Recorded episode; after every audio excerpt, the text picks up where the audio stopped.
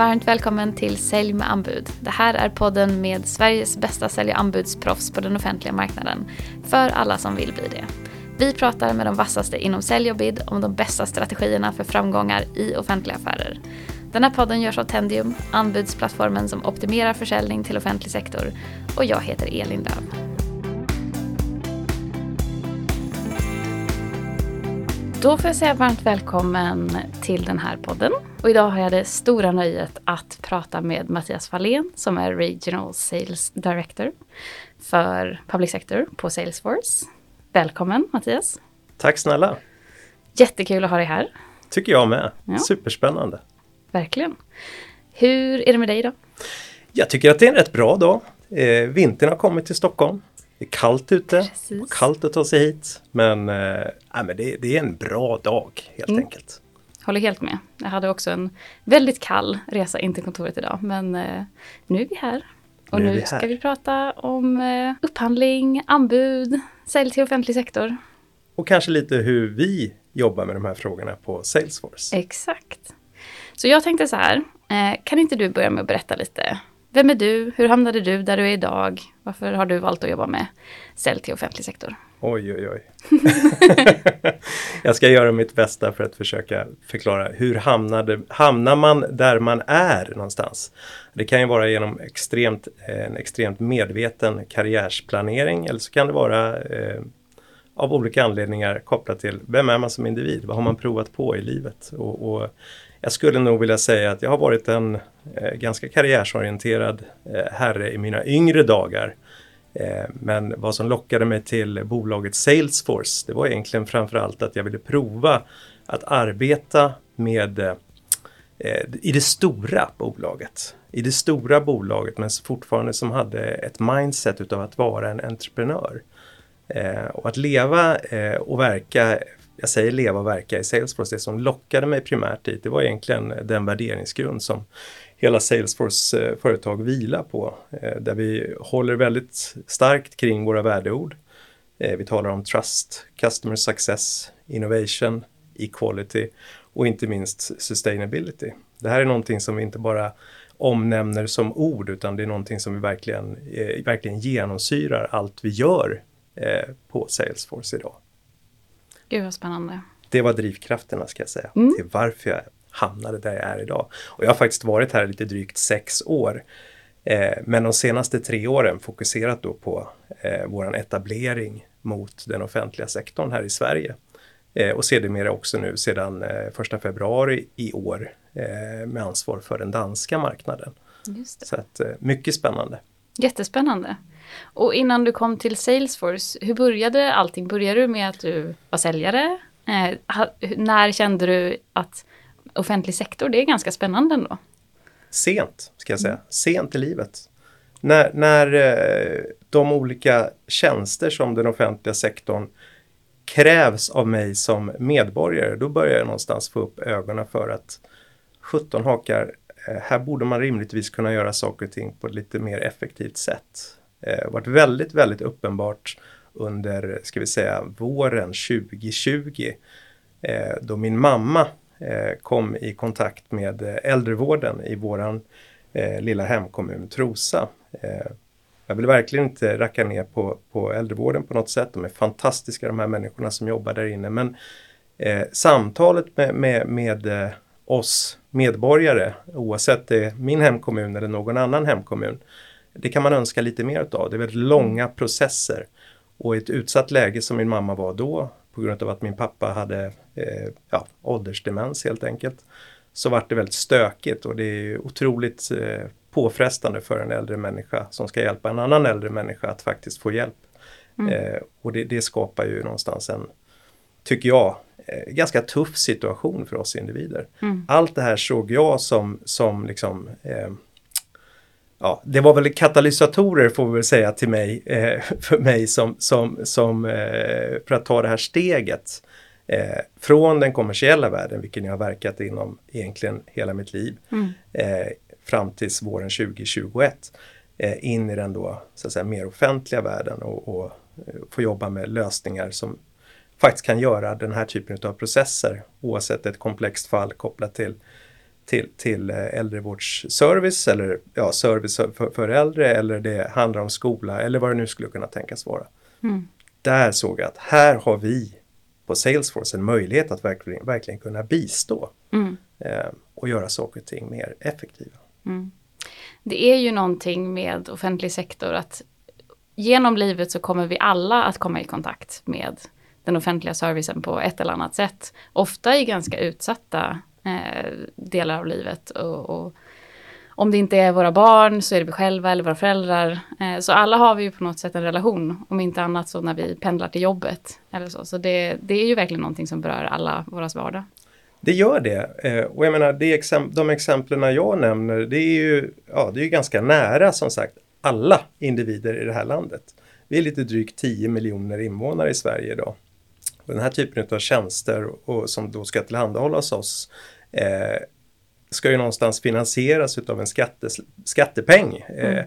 också. Och eh, vi ser ju nu liksom hur, hur kommuner och regioner faktiskt eh, tvingas dra i bromsen för att man har liksom inte förmågan att kunna leverera på de servicelöften som genomsyrar den offentliga sektorn eh, på det sätt som tidigare varit vanligt till följd av den ekonomiska situation som just nu råder. Mm. Eh, och det här är ju någonstans ett, vi kan inte fortsätta med att öka skatter tycker jag i all evighet för att göra det här bättre utan vi måste tänka annorlunda. Vi måste göra saker och ting på ett annorlunda sätt för att säkerställa att vi fortsatt också kan åtnjuta eh, den service som är tänkt att levereras till dig och mig och liksom vår omgivning eh, på, ett, på bästa möjliga sätt. Och då krävs, skulle jag vilja säga, eh, en digital transformation. Mm. Eh, och nyttjande utav tjänster, lösningar eh, som mitt bolag till exempel skulle kunna hantera. Mm. Eh, eller hantera och leverera. Verkligen.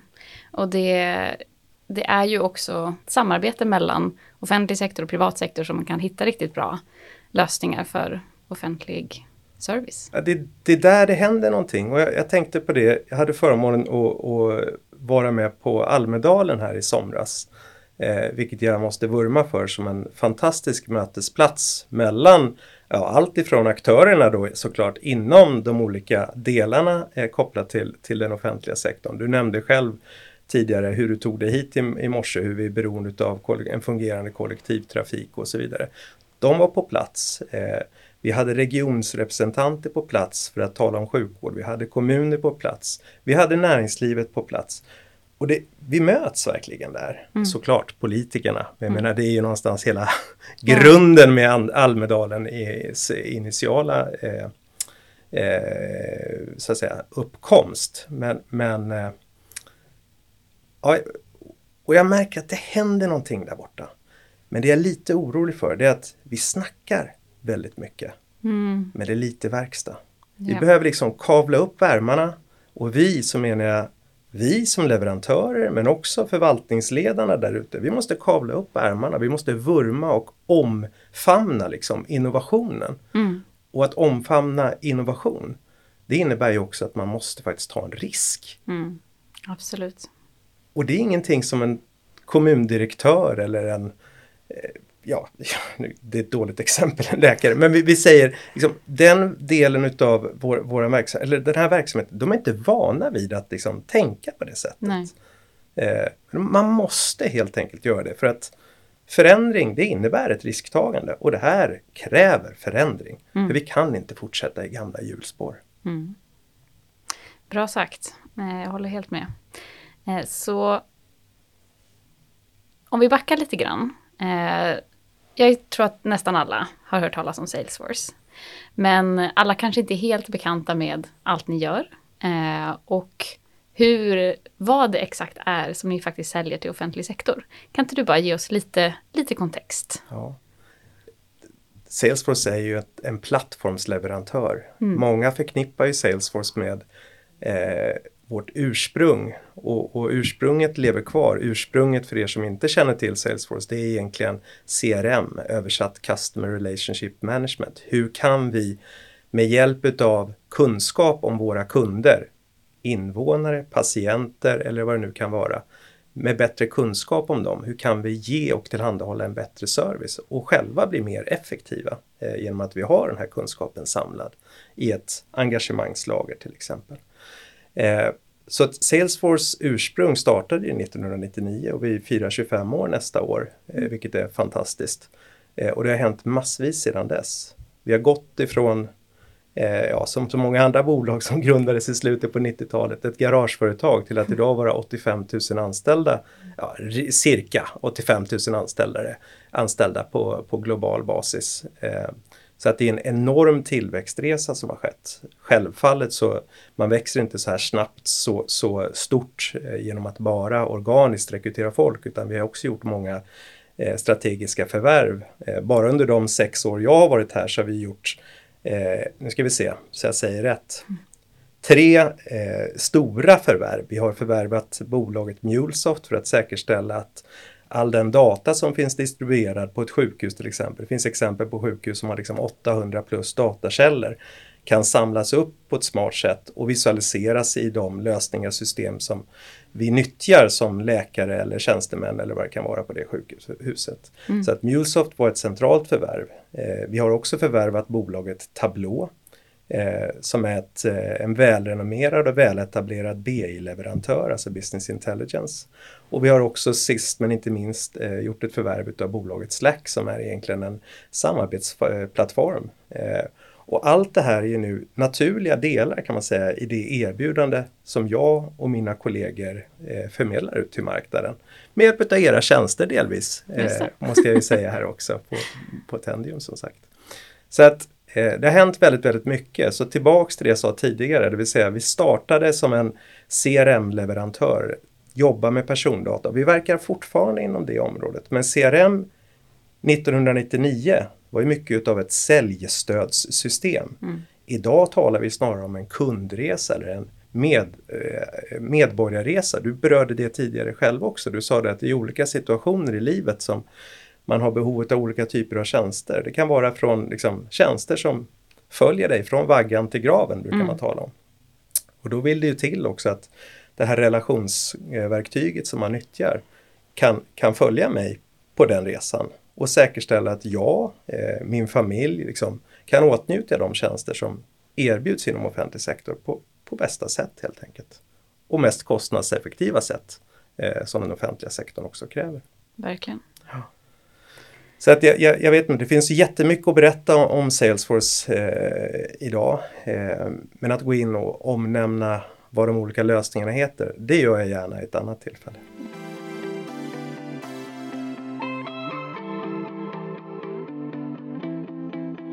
Så när ni då säljer till offentlig sektor, eh, hur, ser, hur ser det ut rent organisatoriskt för er? Hur ser era team ut? Hur har ni valt att dela upp arbetet och organisera arbetet med mm försäljningen? Jättebra fråga. Eh, och jag skulle vilja säga på det sättet att den stora skillnaden eh, mellan att sälja till den, ja, mellan offentlig sektor och den traditionellt kommersiella världen. Det är ju det att man är ofta bunden till eh, någon form av upphandling som, som behöver ske. Eh, sen finns det såklart att man, eh, möjligheter att göra så kallade innovationsupphandlingar och liknande där man om man så länge, så länge man håller sig under en given nivå så kan man faktiskt göra en direkt, eh, ett direkt inköp för att testa och liksom eh, göra ett proof of concept kring ett givet område, en given processförändring eller vad det nu skulle kunna tänkas vara. Men ofta är man ändå beroende av den här typen av lösningar som tillhandahålls av er Patendium eh, för att säkerställa att, att eh, vi gör det här enligt lagens alla regler. Eh, det här är såklart en stor skillnad, för i samma ögonblick som ett upphandlingslag, upphandlingsunderlag har publicerats så begränsas våran förmåga som leverantör att kommunicera med, med upphandlande enhet, myndigheten, kommunen, regionen eller vad det nu kan tänkas vara. Eh, det var en omställningssituation som jag verkligen fick förhålla mig till när vi drog igång detta. Förstår det. Så, så frågan är väl snarare, vad kan vi göra innan den här upphandlingen faktiskt publiceras? Ja, för det första så, så är vi ett land, eh, Sverige i varje fall, ett land där data eh, kring upphandlingar som eh, har genomförts, genomförs eh, och pågår är publik data. Vi kan någonstans ha lite bättre koll på vilka upphandlingar genomfördes för x antal år sedan för att säkerställa att när eh, den här eh, pågående kontraktet löper ut, mm eh, att vi har varit på plats innan en ny upphandling behöver genomföras. Mm. Och det kan vi ju göra genom att faktiskt titta bakåt i tiden och se på data från tidigare genomförda upphandlingar inom områden som jag sa CRM tidigare, det kan vara liksom relations engagemangslager, det kan vara AI-frågor, det kan vara integrationsfrågor eller eh, för all del eh, eh, analyskompetens som man behöver ha. Då. Eh, och, och, all den här datan finns ju tillgänglig. Det handlar ju om att åtnjuta den som leverantör, ta tillvara på den och approchera marknaden under de här sista 6, 12 eller 18 månaderna beroende på hur, hur, hur omfattande eh, kontraktet som någonstans ligger för, för ut, med, med utlöpstid om x antal månader mm. är. Så att egentligen är det ingen större skillnad i det offentliga mot det kommersiella. Eh, om man någonstans tittar på vad som har skett historiskt och bearbetar marknaden liksom, mm. under den tiden. Självfallet så är det så också att det här är det rena sälj, eh, de rena säljåtgärderna vi gör. Men självfallet är vi också ute och positionerar oss i de olika sammanhang som tillhandahålls ute på marknaden av olika arrangörer. Eh, Almedalen nämnde jag som ett exempel där vi såklart medverkar. Eh, men vi är också med på diverse olika evenemang som tillhandahålls från ja, Hexanova är en stor aktör i marknaden. Mm. Eh, vi syns i, i media med, med våra liksom, eh, eh, möjligheter och, och eh, ja, försöker samverka nära vårt partnernätverk. Mm. Eh, så att det är väl så, så, så jag ser på det. Men du frågade också om, om hur ser organisationen ut hos mig då? Och underförstått så förstår du att jag har ett gäng med riktigt kompetenta säljare. Och det är kanske inte alltid urtypen av en säljare om man tänker sig en säljare i ett amerikanskt mjukvaruföretag. Utan det. det. här är ofta personer som på ett eller annat sätt har förståelse för liksom, komplexiteten inom den offentliga sektorn. Jag menar, tittar vi på Sverige idag så står den offentliga sektorn för 40, jag menar, en enorm del av vår BNP. Det innebär ju också att det finns en enorm potential för oss som, som leverantör att göra affärer med de olika aktörer som finns där ute. Det är ju tusentals olika organisationer, allt ifrån jättestora myndigheter till små kommunalt ägda bolag. Mm. Om man nu tar ut det här spannet. Eh, och med begränsad eh, grupp individer så är det klart att vi kan inte bearbeta alla de här myndigheterna utan vi måste liksom jobba smartare. Mm. Eh, och då har vi till vår hjälp eh, förutom er säger jag då som ett typiskt verktyg som kan hjälpa oss att prioritera, så har jag också till min hjälp eh, funktionsspecialister.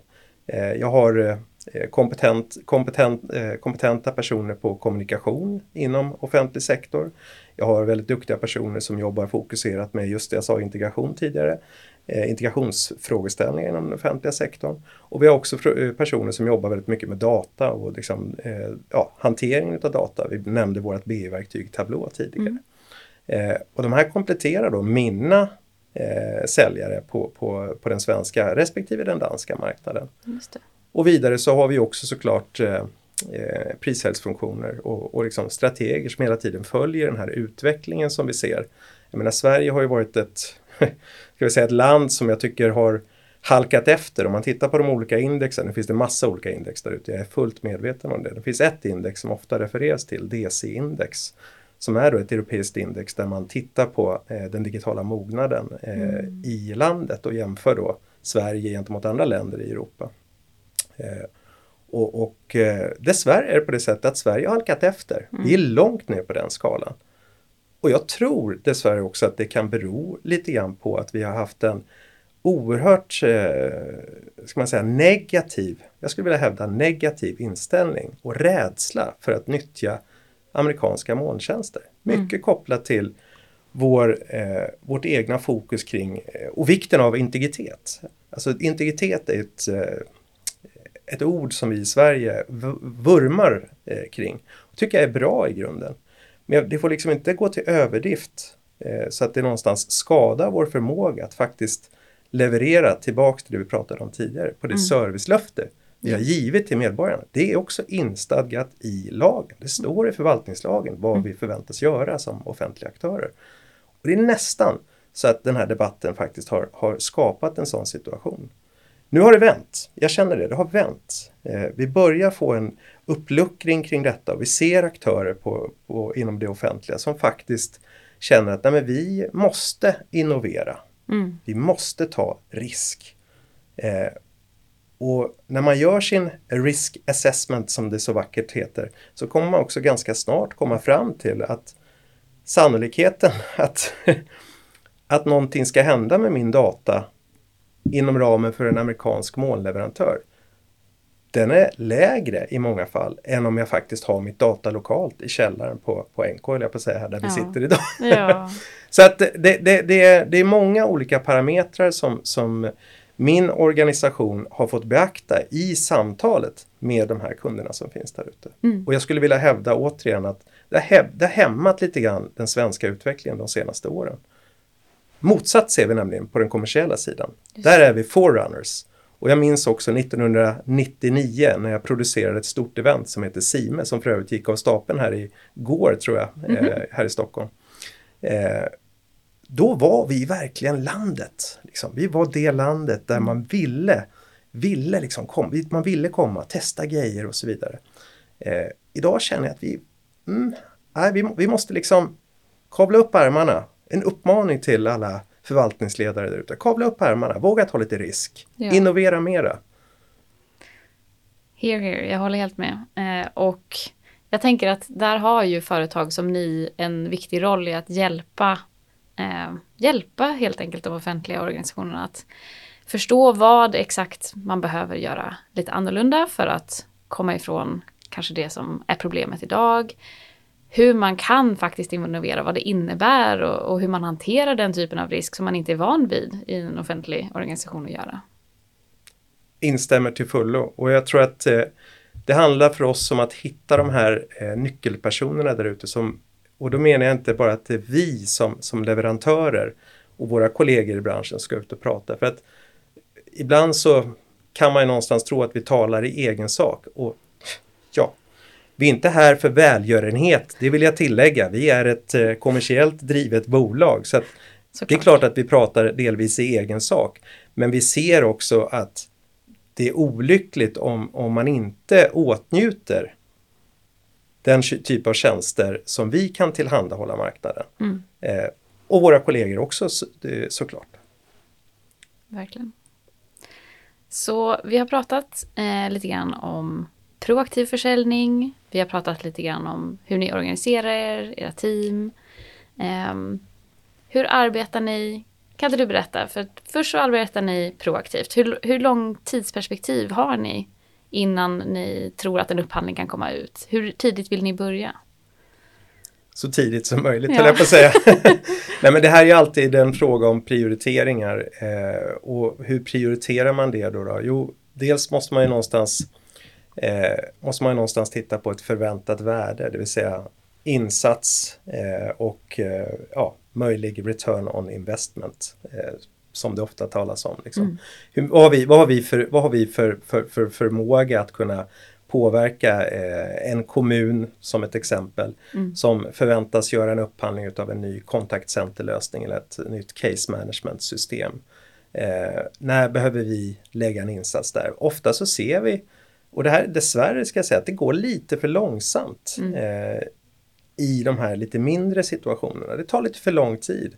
Jag har ett exempel, jag ska inte nämna vilket exempel, men där vi eh, inledde dialogen med, med den här kommunen redan under hösten eh, förra året, 2022.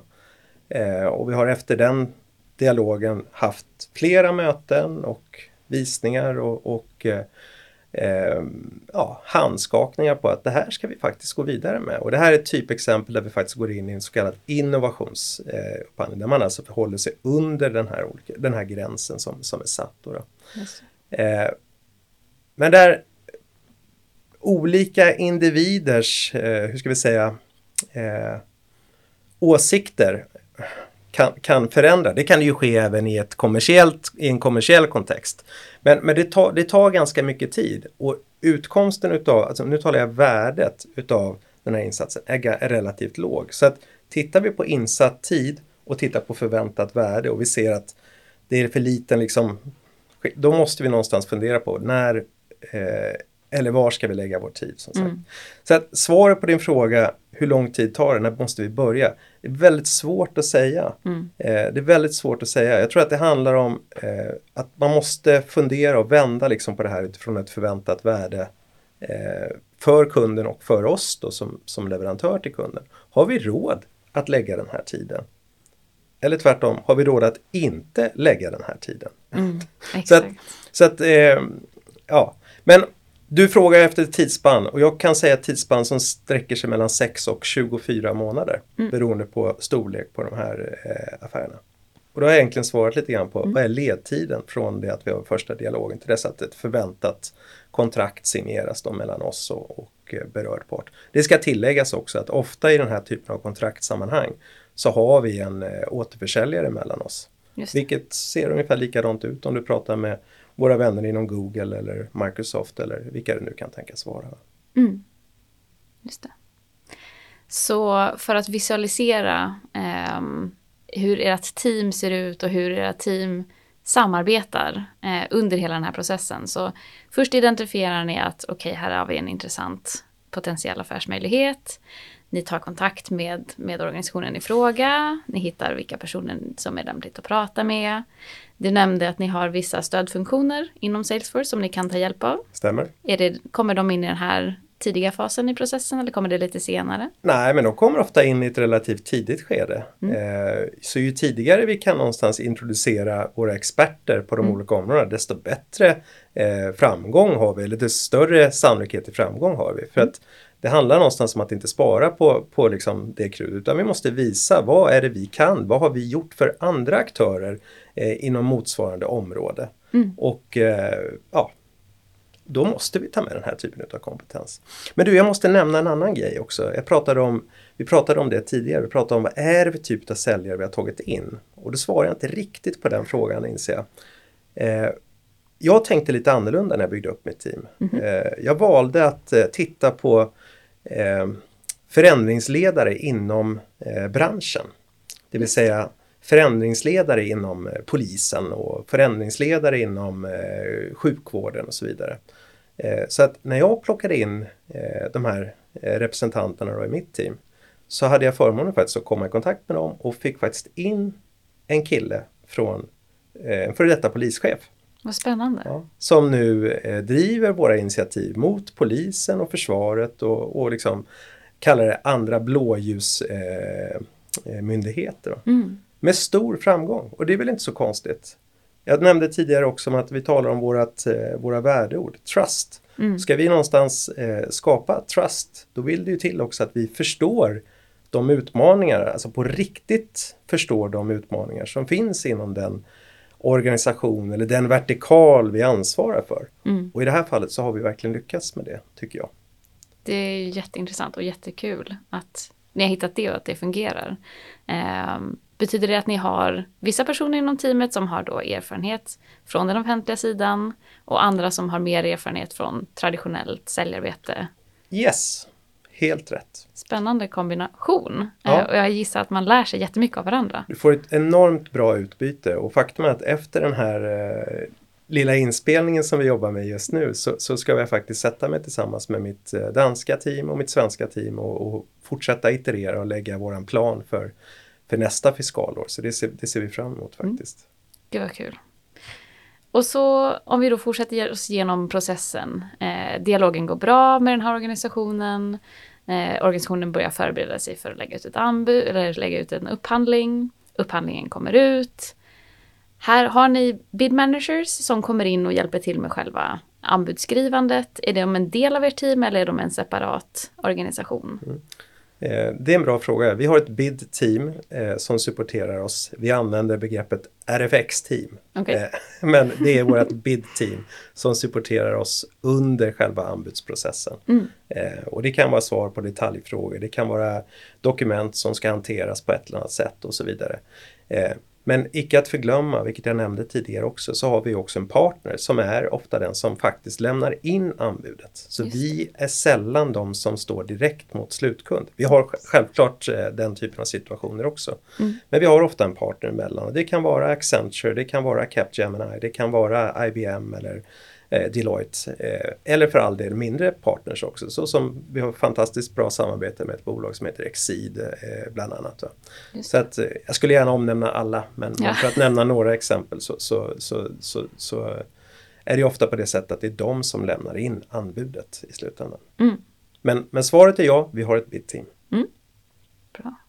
Och då gissar jag att då är det ganska många parter som samtidigt måste eh, samarbeta och ha kommunikation och, och ja, få det att fungera så att allting blir klart och blir precis så som ni har tänkt er och vill eh, inför anbudsinlämningen. Helt korrekt och det innebär då att våra, eller mina account executives, de fungerar ju inte bara som säljare utan de är ju orchestrators, det vill Mm. säga de managerar egentligen en process och då menar jag en försäljningsprocess från första mötet tills dess att anbudet faktiskt ligger på, ja, för, är signerat och klart ska vi egentligen säga. Mm. Eh, Så att man, man har man har egentligen flera olika hattar på sig under, under den här processens gång. Just det. Eh, självklart samtidigt så måste de ju också säkerställa att vi, vi bygger på våran pipe och, och till sin hjälp så har de ju då ert fantastiska verktyg på, på Tendium där vi någonstans kan titta eh, framåt genom att titta bakåt.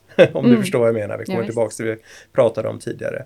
Eh, och säkerställa att vi eh, innan anbuden publiceras faktiskt vet att de här är på väg ut. Mm. För det är där någonstans vi kan göra skillnad. Allting handlar ju faktiskt om att påverka, informera många av de här myndigheterna, sjukhusen, kommunerna, att vi finns. Mm. För att Salesforce må vara, vilket du sa inledningsvis, ett, alla känner till Salesforce. Ja, alla inom den kommersiella världen känner till Salesforce. Men det är inte li riktigt lika många som känner till Salesforce i den offentliga världen, Exakt. ska jag säga. Och bara på namnet så tänker jag att vissa offentliga organisationer kan vara så här, sales, nej nej, det är inte Nej. för oss. Nej, nej, nej, vi jobbar inte med försäljning. Exakt. Fastän det gör alla på ett eller annat sätt. Jag menar, ta en kommun som, ta min hemkommun igen, Trosa. Jag menar, det är klart som sjutton att vi vill säkerställa att vi har en bra tillväxt med inflöde utav, utav eh, individer i, kommunen. Så att, eh, sen ska det ske balanserat såklart också så att exploateringen inte går för fort. Mm.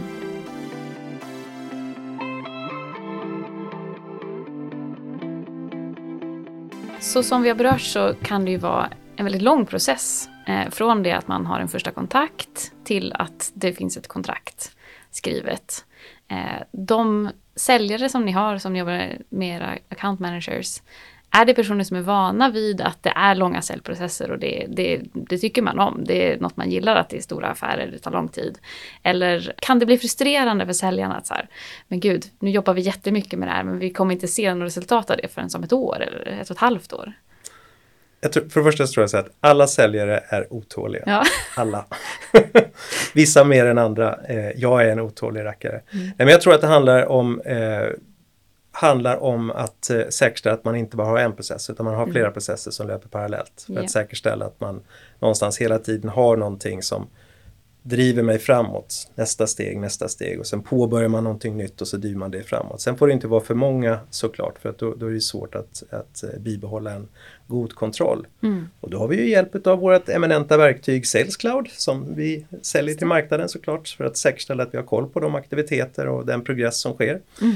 Eh, men men eh, jag skulle inte vilja säga att eh, jaha, här har vi en typisk offentlig sektorsäljare och här har vi en typisk kommersiell säljare. Mm. Det, det vill jag inte säga att, att det är på det sättet. Men om jag tittar på mina säljare idag så jämför jag dem med, med de som, som finns inom eh, ja, Salesforce kommersiella eh, del så kanske vi kan säga att vi är en mix utav eh, jag säger yngre förmågor. Eh, Salesforce är nämligen indelat i, i och det behöver man behöver inte vara yngre så det har ingenting med ålder att göra. Men vi kan säga yngre inom försäljningsyrket. Eh, som kanske då fokuserar mer på de små bolagen. Eh, small and medium business. Sen har vi något som vi definierar som mid market. Vi har något som vi definierar som general business och så har vi något som vi definierar som enterprise business unit. Eh, min, mitt team består lite grann av en kombination av de här individerna. För det är klart att sitter man på det vi kallar EBU, Enterprise Business Unit, då jobbar man med några få stora konton. Man är medveten om att det här tar tid att mm. liksom, etablera eh, kontakt. Man måste vara bred, bred, bred liksom, i, i, sin dialog. Men ofta är det också att de här stora kontona har ju väldigt många olika ingångar. Mm. Så att, eh, ja. Nej, men jag skulle inte vilja säga att det är någon större skillnad på att vara eh, säljare mot det offentliga. Eh, i jämförelse med att vara säljare mot det kommersiella. Nej. Det vill jag inte. Men som jag sa tidigare, jag själv har ju ingen offentlig bakgrund utan Nej. jag anammade den här rollen eh, utifrån liksom möjligheten att faktiskt skapa en förändring och jag är mm. fortfarande oerhört taggad att liksom se organisationer inom den offentliga sektorn anamma den här typen av verktyg, lösningar, kapabiliteter skulle jag vilja säga, mm. som Salesforce kan tillhandahålla. Verkligen. För vi ser skillnad, vi ser verkligen effekter på det. Så, och det är det, som är, det är det som är så häftigt. Mm. Ja, det är ju jätteroligt. Ja, det man, tycker vi. När man jobbar för någonting, man har en vision tillsammans och sen så ser man att ah, det blev bättre, det fungerade. Det Ex, exakt. Va? exakt. Ja. Jo, det är tillfredsställande både för Eh, för alla? För, ja, för jag tänkte säga det både för, ja, för samhället. Det var det, jag ville säga, det var det jag ville säga. Det är tillfredsställande för samhället. Det blir positiva effekter. Mm. I promise you. Mm. ja, men det, det, är ju också det som är fascinerande med, eh, med hela offentliga sektorn och sälj till offentlig sektor och upphandling. Och att i det som vi alla strävar efter är ju att det ska bli bättre. Det ska bli bättre, bättre för medborgarna, bättre för samhället, organisationerna ska fungera bättre. Det är, och det är ju ja, det, är det som gör det fascinerande tycker jag personligen. Mm. Så en uppmaning till alla er förvaltningsledare där ute. Räds inte att ta de här samtalen med oss och våra kollegor innan ni liksom har fattat beslut om att nu ska vi publicera ett anbud. Se till att ha det underbyggt. Och måla inte upp några drömscenarios där ni har tagit allt det bästa från alla olika aktörer och tryckt in i en och samma lösning. Mm. Det, det, är, det, är, sällan gångbart. Utan lyssna igenom, lyssna vad vi har gjort hos andra eh, kunder runt om i det kan vara både från privat sektor här i Sverige men det kan också vara runt om i Europa inom ja, offentlig sektor där. Titta på polisen. Jag menar polisen har ett fantastiskt fint utbyte idag med den brittiska polisen till exempel. Eh, och jag menar, tala om att vi har utmaningar här utifrån, utifrån det. det nu får vi en ny poli, fick vi en ny polischef här i veckan och mm. hon kommer ju ha ja, hon kommer ha att göra. Ha att göra, så kan vi säga. Jag höll på att uttrycka mig på ett lite plumpt sätt här. men hon kommer ha att göra. Ja, ja, så är det. Så om man nu är en anbudsgivare, antingen så kanske man vill stärka sin verksamhet, jobba ännu mer bättre, sälja ännu mer till offentlig sektor. Eller så kanske man är ett företag som inte har haft en så stark strategi mot offentlig sektor och vill utveckla det. Eh, vad, vad, skulle du vilja skicka med till de anbudsgivarna? Tre saker som jag skulle kunna eh, tipsa om så tror jag att eh, tålamod, eh, mm. det är viktigt. Eh, jag tror det är viktigt också med eh, att ha ett fokus. Försök inte göra allting utan gör det du är bra på. Vidare skulle jag också vilja säga att eh, gå ut och lyssna. Våga också utmana. Bara för att någon har tänkt på ett givet sätt så innebär det inte att det är i slutändan det är det man kommer att efterfråga. Så att eh, fokusera, ha tålamod, mm. eh, utmana. Mm.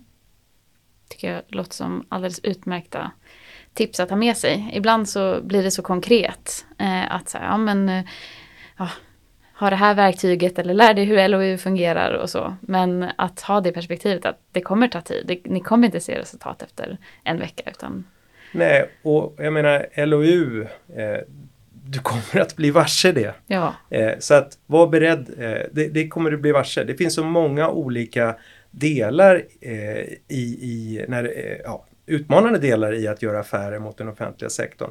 Du kommer inte kunna ta till det allt. Se, till, se istället till på att du är duktig på att kommunicera ditt budskap. Mm. Eh, och håll, håll, fast vid det budskapet. om det nu är så att du fortsatt tror på det såklart. Tror du inte på det så får du ju någonstans fundera på. Då finns det andra problem. Då, fin, då, finns det andra, då är det andra utmaningar som du kanske måste ta, ta tag i. Men eh, allt det här praktiska runt omkring det kommer man lära sig efter resans gång. Så att, eller under resans gång. Så det, det, tycker jag, det ska man inte rädd, eh, vara rädd för. Eh, den offentliga sektorn köper enormt mycket varje år. Så det är en enorm potential för oss som jobbar som leverantörer. Mm. Oavsett vi jobbar med mjukvara eller software as a service som, som, eh, som vi tillhandahåller på Salesforce. Mm. Så att, eh, ja. Jättebra. Stort tack Mattias för att du tog dig tid att komma hit och prata med oss och prata med de som lyssnar. Eh, Det har varit jättevärdefullt att lyssna på dina tankar kring det här. Stort tack! Tack själv! Supertrevligt att vara här. Ja. Och lycka till med allting framöver. Ja men detsamma, verkligen. Detsamma. Tack för att du lyssnade på det här avsnittet av Sälj med anbud. Prenumerera gärna på podcasten i din favoritapp för poddar om du inte redan har gjort det. Så får du fler avsnitt med de bästa insikterna om framgångsrik försäljning till offentlig sektor. Om du vill veta mer om hur Tendium kan optimera ditt sälj och anbudsarbete så gå in på tendium.ai. Och tills vi hörs igen, lycka till med sälj och anbudsarbetet.